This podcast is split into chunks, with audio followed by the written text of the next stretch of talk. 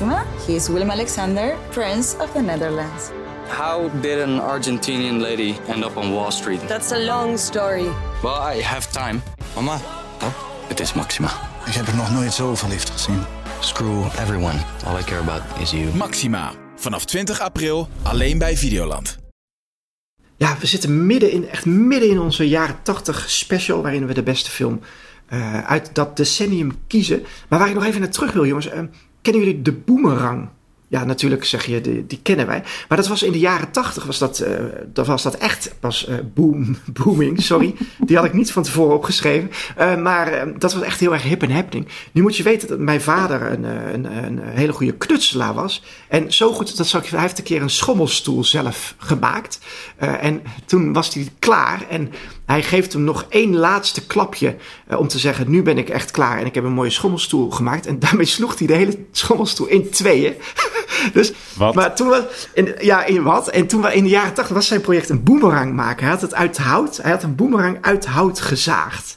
Eh, maar echt overal, dus kleine stukjes hout eraf, dan weer met een klein zaagje erlangs, schuren, alles erop en eraan. En wij, ehm, wij woonden in een dorp. Wij lopen het veld in. Hij gooit die boemerang weg. Nooit En? meer, no- nooit meer terug te zien. En een rechte streep het veld uit. Ah. Nee, ik vind het alsnog knap, weet je. Hij werkte maar voor de helft. Ja, Maar ik vind het knap. ik vind het goed. Ik ga dit tegen hem zeggen. eh, dat hij wel voor 50% correct was, die boemerang. Ja, het is een goede eerste poging.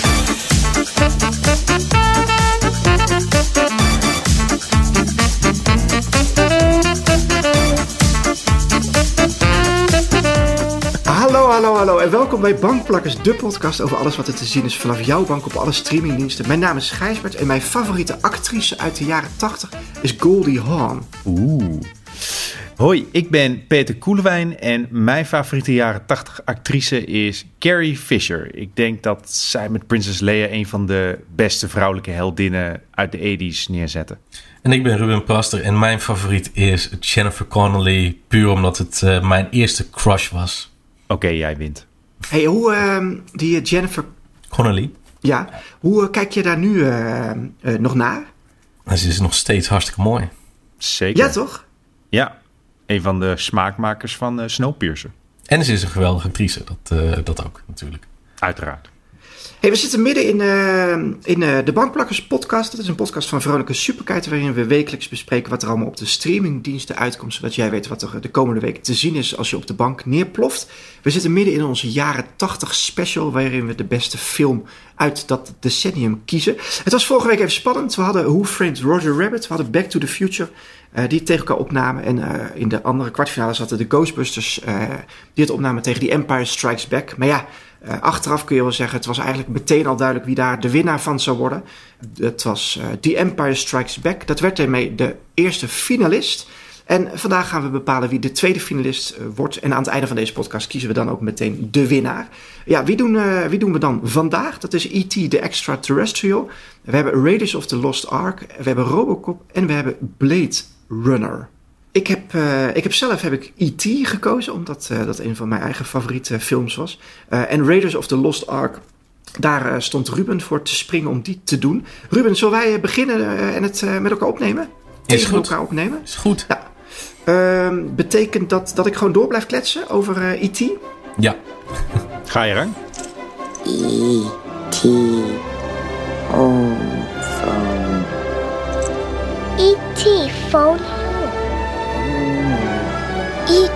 home. E.T. phone home. Wants to call somebody. Ja, jongens, E.T. Ik doe nog heel even kort eh, het verhaal van E.T. De tienjarige Elliot, die woont samen met zijn moeder, broer en zusje in een bosruik, eh, bosrijke buitenwijk van Los Angeles.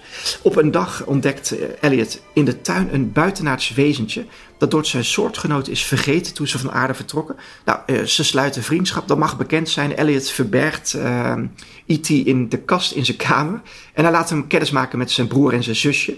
E.T. raakt al snel vertrouwd met het aardse leven en toch heeft hij best wel heimwee naar zijn eigen planeet. Uh, intussen begint op de aarde de atmosfeer zijn gezondheid aan te tasten. En ook Elliot voelt zich niet lekker. Hun band is inmiddels namelijk zo hecht geworden dat ze dezelfde gevoelens ervaren. Wat heel erg grappig is op het moment dat E.T. een aantal biertjes uit de koelkast leeg drinkt. Um, uh, daarnaast hebben de grote mensen, tussen haakjes, uh, hebben hele andere plannen met het buitenaardse wezentje. Dat zijn niet altijd goede plannen, kun je wel uh, bedenken. Ja, het, het, eenvoudige verhaal werd door Spielberg op zijn eigen typisch magische wijze uitgewerkt tot een immens succesvolle film die vooral kinderen aanspreekt. En waar Disney jaloers op mocht zijn, zeker in de jaren tachtig. Uh, Spielberg zelf vond dat hij een love story had gemaakt tussen het jongetje Elliot en het ruimtewezentje E.T. Uh, de kaskraker kreeg vier van de negen Oscar-nominaties werden verzilverd. En het, het uh, hartverwarmende, dat, dat is het laatste wat ik erover zou roepen, jongens, dan, dan laat ik Ruben aan het woord. Het, uh, het uiterst overtuigende wezentje E.T. werd gecreëerd door special effectsman Carlo Rambaldi en actrice Deborah Winger sprak zijn stem is. Ja, het was prachtig om te zien hoe snel E.T. bij iedereen in uh, zijn harten werden gesloten. En ik moet ook weer zeggen, ja, E.T. en Elliot fietsen door de lucht met de maan op de achtergrond. Dat moet een van de meest iconische uh, filmscènes ooit zijn. En dan heb ik het nog, nog niet eens gehad. Ja, Peter, jij wil mij al uh, onderbreken. dat mag. Dank je. Ja, mag ik, ja, ik wou er nog aan toevoegen. Ik geloof dat Spielbergs eigen studio, Emblem Entertainment, heeft zelfs dat beeld als hun logo. Dus die zie je nog wel eens uh, langskomen bij een film. Nou, wie je ook nog wel eens uh, ziet langskomen is Drew Barrymore. Die was zeven toen ze in deze uh, film speelde.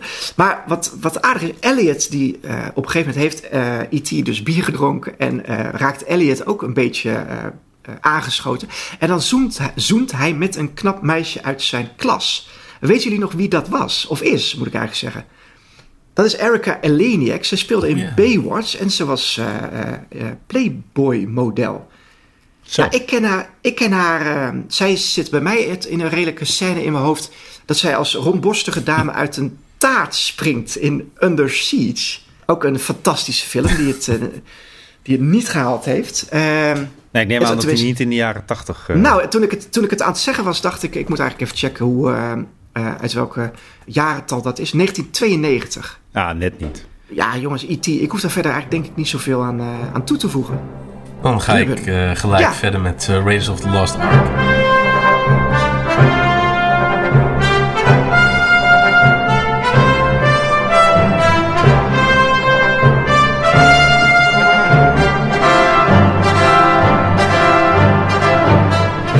Het is het verhaal over uh, Indiana Jones, een uh, avonturier, archeoloog, schattenjager, vrouwenversierder, noem maar op. Uh, het is een ouderwetse pulpheld, uh, geïnspireerd op um, echt de jaren twintig verhalen van stoere mannen die de wereld rondreizen en op allerlei bijzondere plekken avonturen beleven en schatten vinden en noem maar op. En Steven Spielberg vond dat een heel erg leuk verhaal. En had zoiets van, daar wil ik meer mee. Het idee is oorspronkelijk van uh, George Lucas. Die wilde echt uh, um, die pulpheld uh, moderniseren. Nou, het gaat over de 80s, maar in die tijd was het ja. moderniseren. En Spielberg zag er ook wel wat in. Dus die twee hebben samen hebben ze heel veel gebrainstormd. Hebben ze het personage ontwikkeld. Het heette eerst ook Indiana Smith. En het is uiteindelijk Indiana Jones geworden. Indiana Smith. Niet waar, ja? Ja, dat is goed. Indiana ja, Smith, dat is een, Indiana Smith is een vakkenvuller bij de Albert Heijn. Maar Indiana ja. Jones, dat is een avonturier. Ja. George, George Lucas heeft gewoon iemand nodig die tegen hem zegt van... nee, dat is een slecht idee. Ja. en, Daar en, dat Empire ook een andere regisseur heeft. Ja, ja, en je ziet van George Lucas heeft, heeft altijd een prima basisidee... Maar wanneer die echt gaat ontwikkelen, dan heeft hij iemand nodig die zegt van nee, dit is een slecht idee, doen we het zo, doen we het zo, doen het zo. En Steven Spielberg is daar de perfecte persoon voor. Want samen hebben ze gewoon een van de beste films ooit gemaakt. Het is niet alleen de 80s, maar je kan hem nu kijken. Je kan hem in de 90s, noem maar op. Het is special effects, avontuur, actie. Denk alleen maar aan die rollende steen uh, die, die op hem afkomt. Dat is een iconische scène de, de, de humor is ook zo geweldig. Je hebt bijvoorbeeld uh, de legendarische scène. Indiana Jones staat tegenover een zwaardvechter. En dat is een man die echt, die je weet, gaat, hij gaat Indiana Jones helemaal kapot maken. en Indy pakt zijn pistool, schiet hem neer. En die scène is eigenlijk eh, zo ontstaan omdat eh, de opnames waren heel erg zwaar. Harrison Ford, die de hoofdrol speelt, was ziek. Had helemaal geen zin in de scène. En hij had zoiets van, weet je wat, ik wil geen vechtscène doen. Ik schiet hem gewoon neer. En dat, dat was zo geweldige komische timing. Dat het ook gewoon een, een klassieker is. Die ook nog steeds in. eh, waar nog steeds heel erg naar geknipoogd wordt in moderne films. Waar je nog steeds soms die knipoog ziet van. Oh, dit wordt de vechtscène. Oh nee, toch niet. Dus daarin. En ook het, de, de mythologie van de, de Ark. Dus verbonds. Hoe dat. De, de, de evil nazi's. De, ja, noem maar op. Al die. Al Je die hebt, ze, je hebt ze nooit meer zo kwaadaardig langs zien komen. Het zijn echt gewoon tekenfilmschurken. Ja, en dat is ook weer het fijn. Dat zie je, daarin zie je die pulp-invloeden van... Pulp is gewoon echt van basic. Eh, Ja. Totaal nul subtili- subtiliteit. En daar, daar, ze weten het zo goed dat eh, te doen, maar dan met kwaliteit. De kwaliteit toe te voegen. Ehm, de personages die hebben ook echt diepgang. Het is, Indiana Jones is niet alleen maar de stoere held. Hij is ook bang voor slangen. En natuurlijk komt hij dan terecht eh, tussen de slangen. En natuurlijk eh, is hij niet de sterkste man en wordt hij in elkaar gemapt door een, eh, door een gespierde Duitser die die alleen maar kan verslaan door hem in een vliegtuigwiel te duwen. Dus het is wel een, een, net zoals Bruce Willis in Die Hard, gewoon een meer een alledaagse held die in een lastige situatie komt en zich daar toch nog uit weet te redden. En daardoor heb je als kijker ook zoiets van, van ja, dit is toch spannend. Weet je, het is anders dan wanneer je Arnold Schwarzenegger ehm, iedereen kapot ziet knallen. Ik heb hem laatst nog teruggezien. En het viel me op hoe vaak Harrison Ford op zijn rug ligt. Want hij wordt echt door iedereen wordt hij ingemaakt. Het is, af en toe kreeg hij wel een vuistslag. Maar meestal heeft hij gewoon domme, domme mazzel. Ja. En als je dan... Ik geloof dat het Hobbs, Hobbs en Shaw was het. Met Jason Statham en eh, Dwayne. Johnson. Ik geloof dat hun assistenten of hun eh, vertegenwoordigers hadden bedongen van hoe vaak ze eh, op de grond mogen liggen, dat ze ingemaakt worden. Weet je, want dat mag namelijk niet te vaak gebeuren. En ook zeker niet dat de, dat de een niet meer klappen krijgt dan de ander. Want ze moesten wel gelijk getrokken worden. Maar daarin zie je gewoon de, de macho's die dus hebben van... Oké, imago is alles. En Indiana Jones is gewoon... Hij is niet perfect. Hij is een, een, een, een avonturier die heel veel fouten maakt. En die het niet altijd redt. En ook het einde, de laatste scène. Hij heeft de Ark des Verbonds. En die wordt in een kist gestopt. En ver weg in een pakhuis. Ja. Het- en en dat, dat maakt, dat geeft die films net dat beetje meer. Het is niet alleen eh, stoere actie. Het is alles van comedy, avontuur. En, en die combinatie daarvan, die werkt zo goed. Waardoor je een hele complete film krijgt. Waarin alles zit. Misschien is dat ook wel de reden dat Harrison Ford eh, momenteel werkt aan een vijfde Indiana Jones. En hij is inmiddels al 80. Ja, en, Daar, en daarin zie je ook wel dat de magie van de Indiana Jones, die, die is nu ook wel weg. Die vierde film, dat was echt zoiets van... Ze snappen het niet meer. Het is, ze weten niet wat die film leuk maakte. Weet je, het is niet de CGI. Het zijn de echte locaties. Het is het echte avontuur. Het zijn de praktische eh, special effects. En in plaats van, oké, Harrison Ford voor een greenscreen... die een beetje one-liners zegt... dat is niet wat Indiana Jones is. En dat, eh, dat zit in, zeker in de trilogie, want het is ook een perfecte trilogie. Dat, dat zit erin. En Indiana Jones is voor mij gewoon echt genieten. Ik eh, vind dat je het mij erg moeilijk eh, maakt, eh, Ruben. Maar ik heb nog een. hoe zeg je dat? Ik heb een joker in mijn mouw. Nee, een. wat heb ik nou in mijn mouw zitten? Eh, Een iets, eh, een aap. Nee, wacht. Peter, ik wil jou eventjes eh terzijde nemen. Want weet jij dat in E.T. dat de, de tienerkinderen aan het begin van E.T. een spel spelen? Oh, Ja. welk spel? Dungeons and Dragons. ja, en jij weet wie hier van ons hier de Dungeons and Dragons master is. Ja, ik weet, Dus ook, ja. ik weet ook dat de Dungeon Master vaak een enorme eikel is die je op het verkeerde been zet. Ja, Ehm, dus ik ga nu even de Dungeon Master spelen. Ik ga jou Ja. even een, jouw hart uit je borstkas rukken, zoals eh, in Indiana Jones 2. Ik ben ook een groot Indiana Jones fan. En ik eh, vind E.T. eerlijk gezegd persoonlijk nogal saai. Wat? Ja. Er zijn betere, er zijn betere films over kinderen die een hond verliezen of een alien. Ehm, het, is, het is een goede film, maar ik vind hem, ik, ik vind hem nogal saai. Nou, en ik, Indiana Jones en Raiders of the Lost Ark, jongen. Iedere, iedere dag van de week kun je die bij mij opzetten. dus mijn Dungeons and Dragons feitje trekt jou niet over de streep, begrijp ik. Dat is jammer. Nou, Stranger dacht- Things deed het beter. Zit daar ook Dungeons and Dragons in? Nee, maar wel een, eh, een mysterieus figuur met eh, eh, magische krachten. Oh, die, ja, dat, dat snap ik. Maar ja, het is... Sorry dat ik Eleven vergelijk Nee, met een dat, lelijk bruin eh, ruimtewezentje, maar Je wil, je wil Eleven niet achter je aankrijgen hoor. Nee. We, we schrijven Raiders of the Lost Ark op, jongens. Want ik, de- ik ga hier niet eens over stemmen. Als ik jullie glunderende hoofdjes zie. Hey, dan pakken we hem door met de laatste kwartfinale. En dat is dan Robocop tegen Blade Runner. Peter, jij, eh, jij hebt ons overtuigd om Robocop eh, te kiezen ten faveur van eh, Terminator. Dus eh, take it away. yes. Ehm, ja, de Terminator, laten we eerlijk zijn. De eerste Terminator is goed, maar Terminator 2 Judgment Day is natuurlijk de reden dat we nog steeds over Terminator praten. Want dat is misschien wel, nou, ik denk top drie beste blockbusters ooit gemaakt. Alleen één probleem, die kwam in 1990 uit. Dus hij telt niet. en dan heb je Robocop, dan heb je juist het andersom. Eh, eh, Ro- Robocop 2 is ook nog best goed. Eh, Robocop 3, meh. Daarna kwam er nog een serie waar we niet meer over praten. Maar de eerste Robocop, jongens. Ehm, ik kan sowieso een Netflix making-of aanraden. Netflix at the Movies heet dat, geloof ik.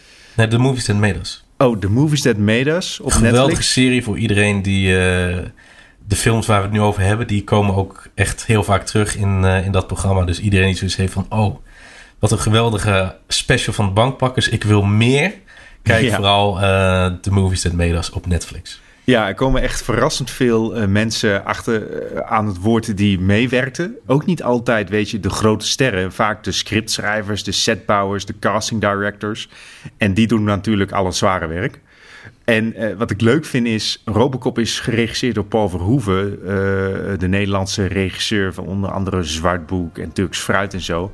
Maar dit is denk ik wel zijn beste Amerikaanse film. En Paul Verhoeven wordt door de medewerkers in de Netflix special ook echt neergezet als zo'n Europese eh, gestoorde gek die eh, alles, eh, die, die vloekend en tierend over de set heen liep, maar wel alles gedaan.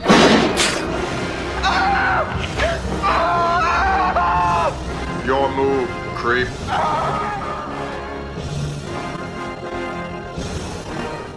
Robocop speelt zich af in de nabije toekomst, waarin een doodgeschoten agent gebruikt wordt als een prototype voor een half mechanische agent.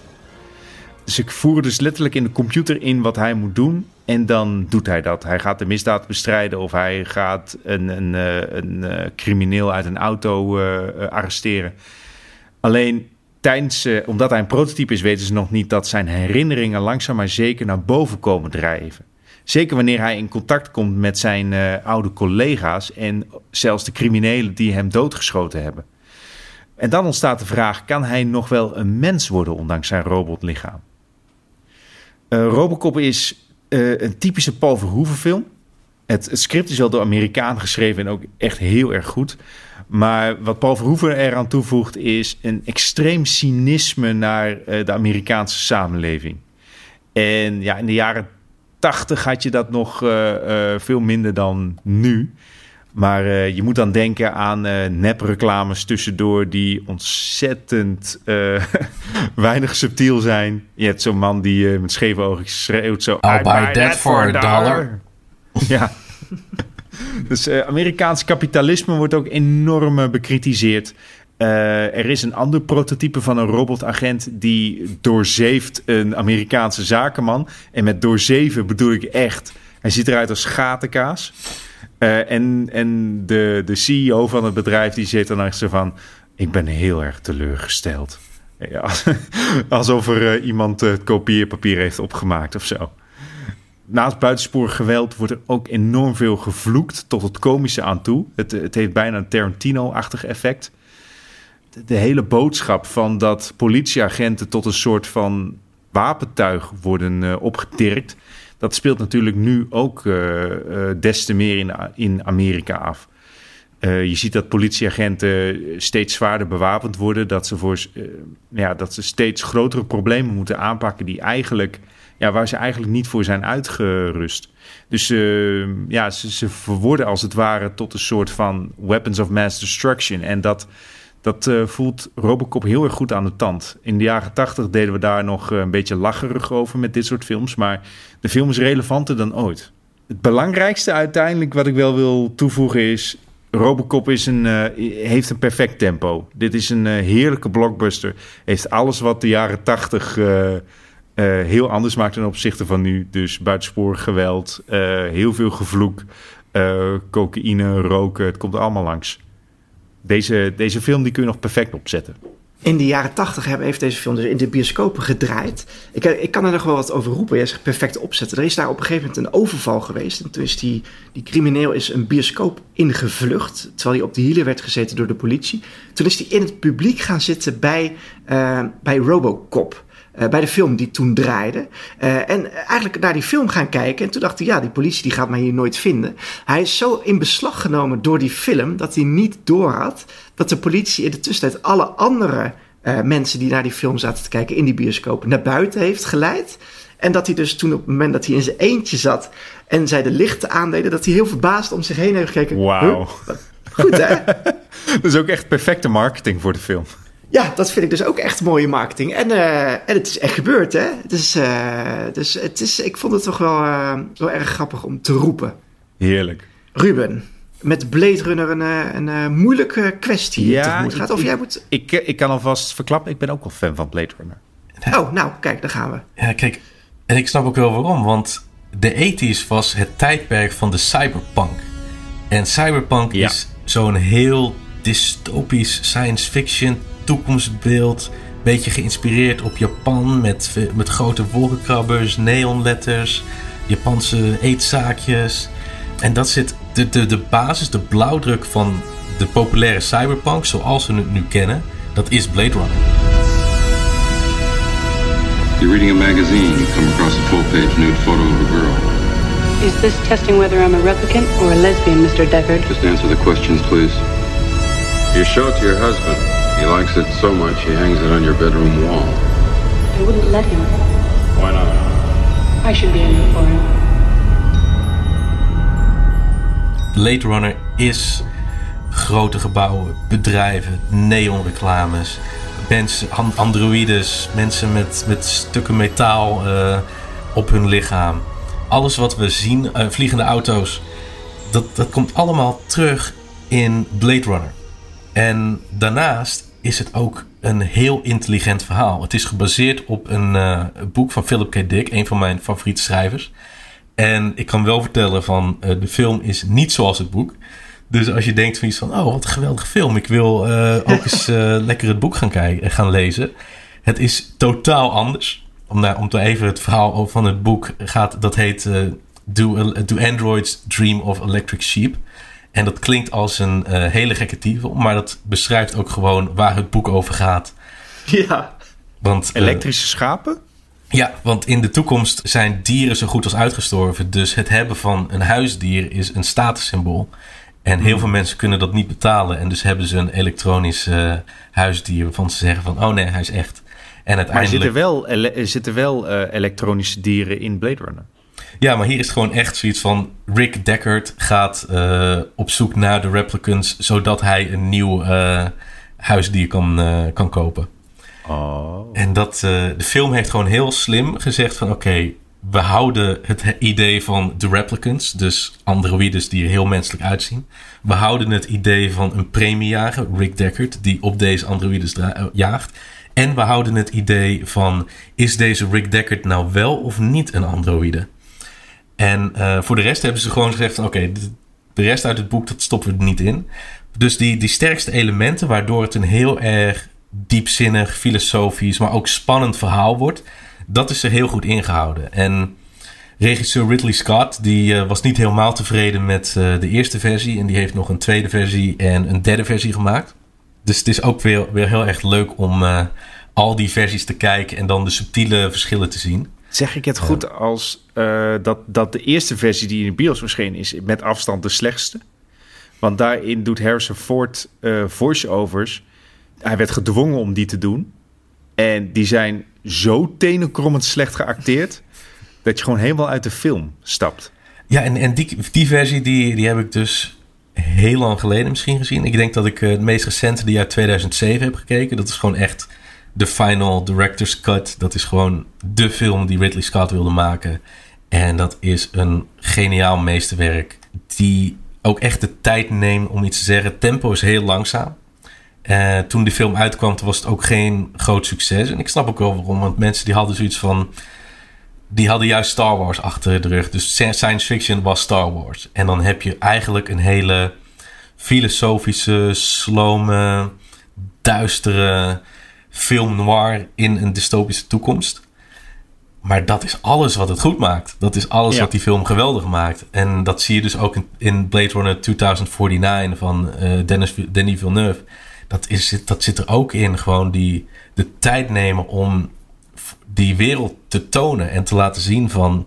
dit is de toekomst met replicants en, en inkomensverschillen en armoede en de afhankelijkheid van techniek. Dat maakt dit een, een tijdloos meesterwerk. Ja, die, die stad of die wereld is eigenlijk uh, het ware hoofdpersonage. Ja, dat, dat zit zo goed in elkaar. Het is zo mooi gemaakt. En als je dan beseft van, oh, de helft van die dingen, dat waren of maquettes of gewoon schilderijen. Dan, dan is het helemaal zoiets van, oh, wauw. Ook nog een uh, special mention voor Rutger Hauer. Ja, dat, dat, dat zeker. Uh, onze eigen Rutger Hauer speelt de rol van zijn leven als uh, de leider van de Replicants. En hij heeft ook een iconische speech, de, de Tears in the Rain speech. En de, de eerste versie, die was heel anders. En hij had zoiets van, ja, nee, je, de, de tekst is veel te toneelachtig. Dus weet je wat, laat mij maar mijn eigen ding doen. Dus toen heeft hij tijdens de opnames de Tears in the Rain speech gewoon eventjes te plekke uh, opge, opgezegd. En uh, iedereen was stil na afloop en gaf hem daarna een applaus. Van, en sindsdien is het een iconische tekst. En, daar, en alleen daarom is de, ja. moet Blade Runner winnen van ja. Robocop. Oh, kom op. Robocop heeft ook goede one-liners. Maar Ruben, ik schrijf, ik schrijf, jou, uh, ik schrijf je op bij Blade Runner hoor. Uh, Peter, wil jij dan uh, de beslissende factor spelen of, een, of stel jij de keuze uit? Ja, ik kan nu heel erg gemeen gaan doen en zeggen dat de definitieve director's cut, die kwam niet uit in de jaren tachtig. maar... Jij dat, wil, hem, ik ben met... Ruben op, op, op, wet, op wetgeving verslaan, begrijp ik. Ja, hey, het gaat om de winst, niet om, uh, ja, het, om het spel. Ik. Maar nee, ik, ik, ook al ben ik het met je eens dat dat de superieure versie is... en die, die reken ik gewoon met jou mee. Ik, ik vind dit echt, echt heel erg moeilijk, want het zijn zulke verschillende films... terwijl ze wel soort van hetzelfde proberen te doen. Het zijn allebei natuurlijk cyberpunk films. Ze hebben allebei een beetje dat rauwe Nederlandse tintje er ook aan. Maar Robocop is meer echt een publieksfilm. Die kan ik gewoon echt die, die, kan, die kun je nu bij mij opzetten en dan, dan pak ik een colaatje erbij en dan ga ik er lekker voor zitten. Uh, Blade Runner, oef, dan moet ik wel echt even mijn, mijn middag omheen plannen. Maar het is wel een meestelijke film.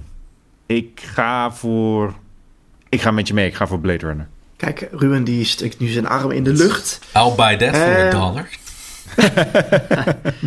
Hey, maar dat betekent eigenlijk ook dat uh, nu de twee films bekend zijn die het in uh, deze laatste halve finale tegen elkaar op gaan uh, nemen. En die het uiteindelijk in de finale tegen die Empire Strikes Back moeten opnemen. we hebben Raiders of the Lost Ark aan de ene kant van de boxring en we hebben Blade Runner aan de andere kant van de oh, boxring. Dus, nu moet ik kiezen uit, dus nu moet ik kiezen uit mijn twee kindjes. Net zoals Peter vorige week. Ja. ik, wil, ik kan nog wel wat roepen over Blade Runner. Ik heb daar ik heb het niet zo met die film. Ik heb, het, uh, ik heb de film nog een keer gekeken, denk ik, toen uh, Blade Runner 2049 weer, uh, of weer, toen 2049 uitkwam. En ik, ik voelde het niet zo. Ik, ik weet niet wat het was. Ik heb hem toch keurig, niet op een klein scherm, maar gewoon op een televisie. S'avonds laat, het was donker. Ik heb hem nog wel met de juiste omstandigheden gezien. Maar Blade Runner zelf pakte mij niet zo. en Blade Runner 2049 vond ik helemaal ruk, om het zo maar even te zeggen. Wat? Ja. Wat doe je in deze podcast, Gijsbert? Schelden, is dit schelden tegen... Ja, dit, is, dit is niet alleen schelden, dit is verraad. Dit is... Oké, uh, dit is hoog verraad. hey, maar Peter, neem ons dan eens mee. Als jij tussen uh, Raiders of the Lost Ark en Blade Runner zou uh, moeten kiezen in, de, in deze tweede halve finale... Oh, dan wordt het zeker Raiders of the Lost Ark. Serieus? Kijk, zo kom, makkelijk kan het kom zijn. Op. Ja, kom, kijk, Blade Runner, fenomenale film, revolutionair voor science fiction, heeft enorm veel films, games en literatuur en series geïnspireerd. Uh, weet je, ik, van anime zoals Ghost in the Shell tot en met uh, uh, films zoals The Matrix en uiteindelijk het officiële vervolg, wat, wat ook een meesterwerk is. Maar Indiana Jones Raiders of the Lost Ark, mensen. Dit is, dit is een film, dit is een van de beste, naar mijn mening, een van de beste films ooit gemaakt. Ja, Ruben, dan kom ik toch, uh, dan kom ik toch bij jou. Wat, is, het, is het echt zo moeilijk? Waarom, waarom zijn dit twee kindjes voor jou? Het, is, het zijn toch twee films waar ik gewoon echt mee opgegroeid ben in zekere zin. Die heel erg bepalend waren voor wat ik, wat ik leuk vind in films. Maar op zich is het een, een iets makkelijkere keuze, want uh, Blade Runner is de blauwdruk. Dat is de basis van, van cyberpunk, van goede films, van goede science fiction. Maar de film zelf was dat pas in 2007 inderdaad. Dus um, dan is het eigenlijk een imperfecte film.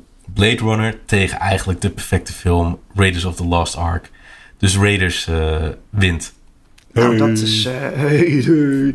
dat is heel makkelijk. En, en Harrison Ford wint sowieso, want die zit, hij zit in bijna alle films die we laten winnen. Ja, en daarom hebben wij hem ook uh, in deze week op de cover van Veronica uh, gezet. Niet alleen omdat hij 80 wordt, maar ik denk ook omdat hij wist dat hij met twee films in de finale zou zitten bij uh, onze jaren 80 special.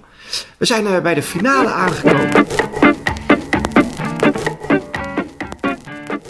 Ja, jongens, dan is de finale van de jaren 80 special, wat de beste film is uit dat decennium. Uh, dat is aan de ene kant The Empire Strikes Back en aan de andere kant Raiders of the Lost Ark. hey, we hebben het uh, vorige week ook al eventjes, of sorry, dat was deze week over E.T. gehad. En ik moet eigenlijk zeggen, we hebben het vorige week over The Empire Strikes Back gehad. Die twee mannen die achter die films zitten, Steven Spielberg en George Lucas, die kennen elkaar eigenlijk al sinds 1967. Toen is een innige vriendschap ontstaan. En uh, je kunt dat zien door een inside joke die Steven Spielberg in E.T. heeft gedaan. Uh, luister, je ziet op een gegeven moment in E.T. dan moeten ze E.T. verkleden, zo omdat ze ergens moeten komen en ze willen niet dat E.T. herkend wordt. Dus gaan ze met Halloween naar buiten en dan hebben ze een groot laken over E.T. gegooid. Een van de verklede personages die dan langskomt is Yoda. E.T. die ziet Yoda, loopt achter hem aan en begint home, home te roepen. En dat kan wel. Die inside joke die werd uh, een aantal jaar later uh, door uh, George Lucas werd die grap teruggegeven in Star Wars Episode 1. Daar zit namelijk een scène in waarin Queen Amidala de Galactische Senaat toespreekt. Ik weet niet of jullie die, die kennen, die scène. Ja. Waar je dus al die balkonnetjes hebt met uh, senatoren van de verschillende uh, uh, planeten. En als je die langzaam afspeelt, dan kun je dus zien dat het, het ras van E.T. daar ook op een van die balkonnetjes staat. Nu is de belangrijkste vraag, denk ik, is E.T. stiekem een Jedi? Die zijn Jedi-krachten gebru gebruikt op Elliot. Ja, want ze kunnen, ze kunnen door de lucht zweven. En dat is dus wel iets typisch. Uh, ja. ja, ja. Maar E.T. bestaat dus in het Star Wars-universum. Dus in feite is, is E.T. ook wel een beetje een Star Wars-film. Oké. Okay. Mag, mag, ik nog mijn stem, mag ik nog mijn stem terugdraaien? Nee, wacht, we gaan stemmen inderdaad. Want we hebben dus uh, The Empire Strikes Back. Jongens, ik, ik, ik vond het namelijk. Ik, ik heb dus inderdaad die, die balkonscène, als, als ik het zo mag noemen. De balkonscène heb ik teruggedraaid. En je ziet daar dus inderdaad drie van het ras. Of misschien staat IT er zelf ook wel tussen. Ik vind dat dus echt heel erg mooi. Dat je dus uh, een kaskraken maakt. Maar dat je toch heel eventjes daar een, een Easter egg in verwerkt. Ik word, er heel, uh, ik word er heel blij van. We hebben die Empire Strikes Back, waar we het net over hadden, hebben we in de finale staan tegen Raiders of the Lost Ark. Uh, dat zal een, een, moeilijke beslissing worden. Ruben, wil jij ons, uh, ons eens meenemen in waar jouw gedachten naartoe gaan? Oh, wat lastig. Um, Oké, okay, dan ga ik heel erg... Hoesten? Hoesten, inderdaad. Ik denk, ik, eh, ik doe het even weg van de microfoon zodat het makkelijk om te knippen is. Maar aangezien je het toch even bedoelt. um, nee, het, het, het, ik heb op zich een theorie om mijzelf dit uh, iets makkelijker te maken. Ja. Empire Strikes Back is onderdeel van een trilogie, het tweede deel. Je wil dus, als je het verhaal helemaal goed wil volgen, als je alles wil weten, dan moet je eigenlijk de hele trilogie zien. Raiders of the Lost Ark is een film met een begin en een eind en een midden. En zelfs al zou je nooit meer een Indiana Jones film zien, dan zit je gewoon goed met Raiders of the Lost Ark. Kijk je alleen Empire Strikes Back, dan blijf je achter met het idee. En Han dan? Wat, wat, hoe zit dat dan? Wat, wat, geef een stel de volgende film. Hoe, hoe eindigt het met Han? En, en hoe, hoe gaat het met Luke straks? En, en, en hoe zit het met Yoda? En weet je, er zitten te veel open vragen. Die eigenlijk niet helemaal lekker uh, werden beantwoord in het derde deel. Dus Empire is gewoon een meesterwerk, geweldige film. Maar qua verhaal blijf je verlangen naar meer. En met Raiders of the Lost Ark heb je precies wat je wil in een film. Dus mijn keus Raiders. Zo, dat vind ik, uh, dat vind ik wel echt een hele goede redenatie. Ik ben, er, ik ben er ook stil van je. Ja, ik, uh, dat ben je niet snel, uh, Peter. Want als, ik jou, als jij stil bent, dan zie ik jou wel maniacaal grinniken. Dat wel. hey, Peter, wat, um, Ga jij daarin mee? Of zeg je, ik wil toch nog iets over die Empire Strikes Back? Het is namelijk wel echt een iconische film geweest, ook in de jaren tachtig. Hm. Wil, wil, jij dan uh, nog iets, iets positiefs over die Empire Strikes Back roepen? Want jij bent toch onze Star Wars professional. Ja, ik kan, ik, kan nog, ik kan nog echt wel drie uur praten over de Empire Strikes Back. ja. Maar dat ga ik jullie niet aandoen hoor. Laat ik maar gelijk met de deur, of laat ik maar het gelijk toegeven. Ik denk dat uh, Ruben een heel goed punt maakt dat de Empire Strikes Back uh, het is een briljante film als je het binnen in de trilogie kijkt van Star Wars en binnen in die hele franchise. En, en Indiana Jones is een op zichzelf staand avontuur. Je hoeft niet de andere films leuk uh, te vinden om van deze te kunnen genieten. Als je, als je begrijpt wat ik bedoel. Want een hoop mensen hebben sterke meningen over de nieuwste Indiana Jones. Dat was toch, de magie was een beetje verdwenen. En ik, ik hoop dat de vijfde dat wel weet uh, terug te brengen. Als ik heel eerlijk ben, uh, Star Wars is van alle tijden. En Indiana Jones, dat is toch echt wel... Voor mij voelt dat als een jaren tachtig film aan. Oké, het speelt zich natuurlijk af tijdens de Tweede Wereldoorlog met de nazi's en zo. Maar gewoon puur, dit is het hoogtepunt van wat je als een jaren tachtig blockbuster kon bereiken. Alles, het, het heeft alles. Er zit humor in, er zit romantiek in, er zitten fantastische schurken in, er zitten fantastische special effects in, er zitten heerlijke gevechten in, shootouts, achtervolgingen met auto's. Zit, zit eh, mythologie in, magie in. Eh, er zit zelfs een beetje historie in, omdat dat de Ark des en zo, dat spraken, dat een hoop mensen aan natuurlijk. Eh, vanwege hun christelijke achtergrond of omdat ze er wel eens van gehoord hadden. Kortom, iedereen vindt deze film goed. Punt. Ja, en dat betekent denk ik dat de makers van Raiders of the Lost Ark een extra beeldje op hun schouw kunnen zetten. Want dan gaan we, ze, gaan we hen uitverkiezen tot de beste jaren 80 film. Raiders of the Lost Ark. Hey, wel verdiend. Ik zou zeggen, ik wil, ik wil tegen de makers van Star Wars zeggen... ja, sorry dat jullie niet gewonnen hebben, maar die hebben ook gewonnen. ja. Ja, uh, dus eigenlijk is iedereen een winnaar. Ja. Nou, Ruben, dan wil ik jou uh, als uh, ook een winnaar bedanken voor jouw stem en voor jouw kennis en kunde van deze, in deze podcast. Peter, dankjewel. Weer, wederom. wij gaan als bankplakkers zijn eventjes met vakantie. We zijn snel weer bij jullie terug, want er staat in ieder geval bij de streamingdiensten staat er ontzettend veel grote dingen te gebeuren. Niet alleen de nieuwe Lord of the Rings serie, maar ook het, het vervolg op de Targaryens. Game of Thrones. Game of Thrones. Ik zit met House of uh, Targaryen in mijn hoofd. Uh, uh, de, het vervolg op Game of Thrones. Dus dat staat voor ons. Dus we hebben genoeg te doen in het nieuwe jaar. luisteraars, ja, jullie kunnen ons bereiken via het bankplakkers als je vragen hebt. Of je wil ons uitschelden omdat wij niet voor de Empire Strikes Back hebben gekozen. Dat mag. dat kan dus via het bankplakkers. een review achterlaten wordt altijd gewaardeerd. Abonneer je via de Apple Podcast of volg ons op Spotify. Uh, ja, dan weet je eigenlijk altijd wat er op alle streamingdiensten te zien is. Tot de volgende. Doei. Doei doei.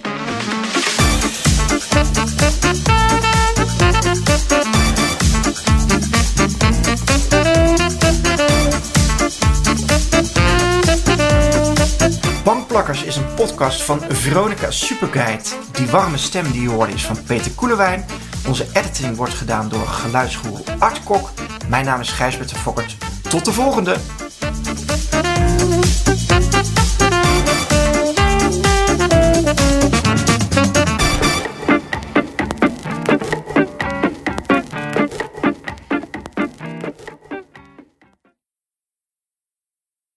Maxima, he is Willem Alexander, Prince of the Netherlands. How did an Argentinian lady end up on Wall Street? That's a long story. Well, I have time. Mama, het is Maxima. Ik heb er nog nooit zo verliefd gezien. Screw everyone. All I care about is you. Maxima. Vanaf 20 april alleen bij Videoland.